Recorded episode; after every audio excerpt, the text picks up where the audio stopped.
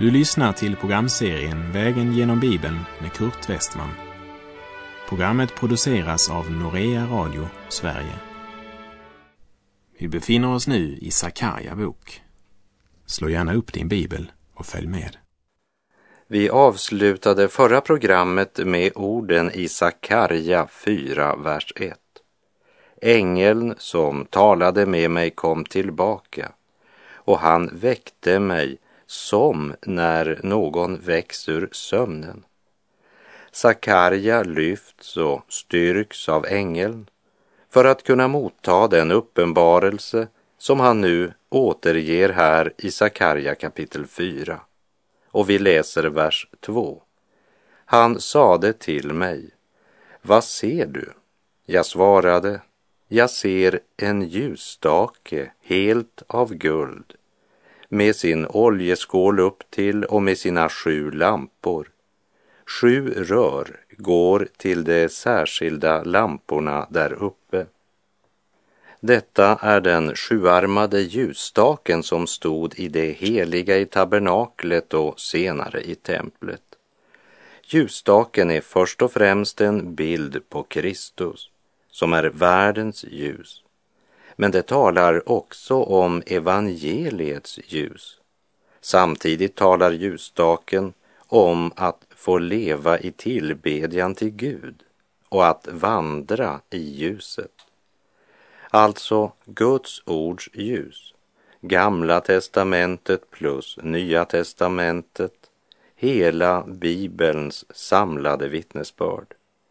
För det tredje så talar det om nationen Israel som av Gud kallats att vara ett ljus och ett vittnesbörd för folken. Skriften använder dels bilden av den brinnande busken, vinrankan, olivträdet, men här är det alltså ljusstaken som illustrerar nationen Israel. Och i det nya förbundet är det en bild på församlingen som är Kristi kropp. Men på Sakarja tid symboliserar den alltså Israel. Ljusstaken var en av de vackraste och underbaraste detaljer som ingick i templets inredning. Och lägg noggrant märke till att det är ljusstaken, inte ljuset, som illustrerar Israel. Och det talar om att Guds folk ska ha Herren i centrum för det är han som är ljuset. Ljusstaken var gjort i drivet arbete, det vill säga det var nedlagt mycket tid och mycket arbete på ljusstaken. Ett förstklassigt hantverk, rikt påkostat, gjord av rent guld. På vardera sidan av den mittersta staken var det tre armar och på toppen var det tre underbara skålar formade som mandelblommor i vilka lamporna var placerade. Och det var överste prästen som hade ansvaret för att tända lamporna och regelbundet hålla dem med olja. Han var även ansvarig för att klippa och ansa vekarna så att det gav klart sken och brann regelbundet. I Uppenbarelseboken ges en bild av Herren Jesus Kristus, vår store överste präst, som vandrar mitt mellan lamporna som representeras av de sju församlingarna i mindre Asien. Uppenbarelseboken kapitel 1, vers 12 och 13. Jag vände mig för att se rösten som talade med mig och när jag vände mig om såg jag sju ljusstakar av guld och mitt ibland ljusstakarna en som liknade Människosonen, klädd i en fotsid klädnad och omgjordad med ett bälte av guld om bröstet.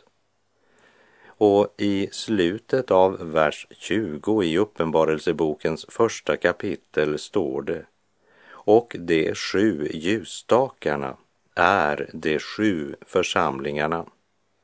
Och i Uppenbarelseboken 2, vers 5 säger Herren Tänk därför på varifrån du har fallit och omvänd dig och gör dina första gärningar.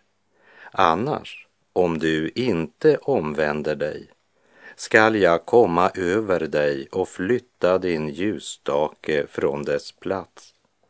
Och det var just vad han gjorde. I dagens Turkiet existerar inte längre någon av dessa församlingar.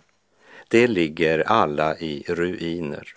Kristus flyttade ljusstaken. Och det är allvarligt med tanke på alla församlingar i vårt land där Guds ord inte längre står i centrum utan tidsandans krav och den fallna människans vilja och tankar.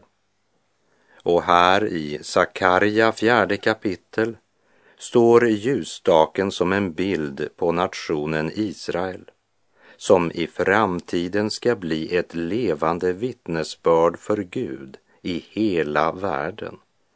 Sakarja säger, jag ser en ljusstake helt av guld med sin oljeskål upp till. Oljeskålen är en viktig del av Sakarjas syn och oljan talar om den helige Ande. Vi har ingen bättre illustration av den helige Ande än oljan till ljusstaken. Medan oljan representerar den helige Ande talar ljuset om Kristus som är världens ljus. Men det ljuset går inte upp för våra hjärtan utan att den helige Ande gör sin gärning först. När Herren Jesus gjorde sig redo att lämna jorden så säger han så här till sina lärjungar i Johannes kapitel 16, vers 12 och 13. Jag har ännu mycket att säga er, men ni kan inte bära det nu. Men när han kommer, sanningens ande, då ska han föra er in i hela sanningen. Ty han ska inte tala av sig själv, utan allt det han hör skall han tala, och han skall förkunna för er vad som kommer att ske. Han ska förhärliga mig, ty av det som är mitt skall han ta och förkunna för er. Han skall förhärliga mig, säger Jesus. Se på ljusstaken med de orden av Jesus i dina tankar. Den helige Ande talar inte om sig själv utan pekar på Kristus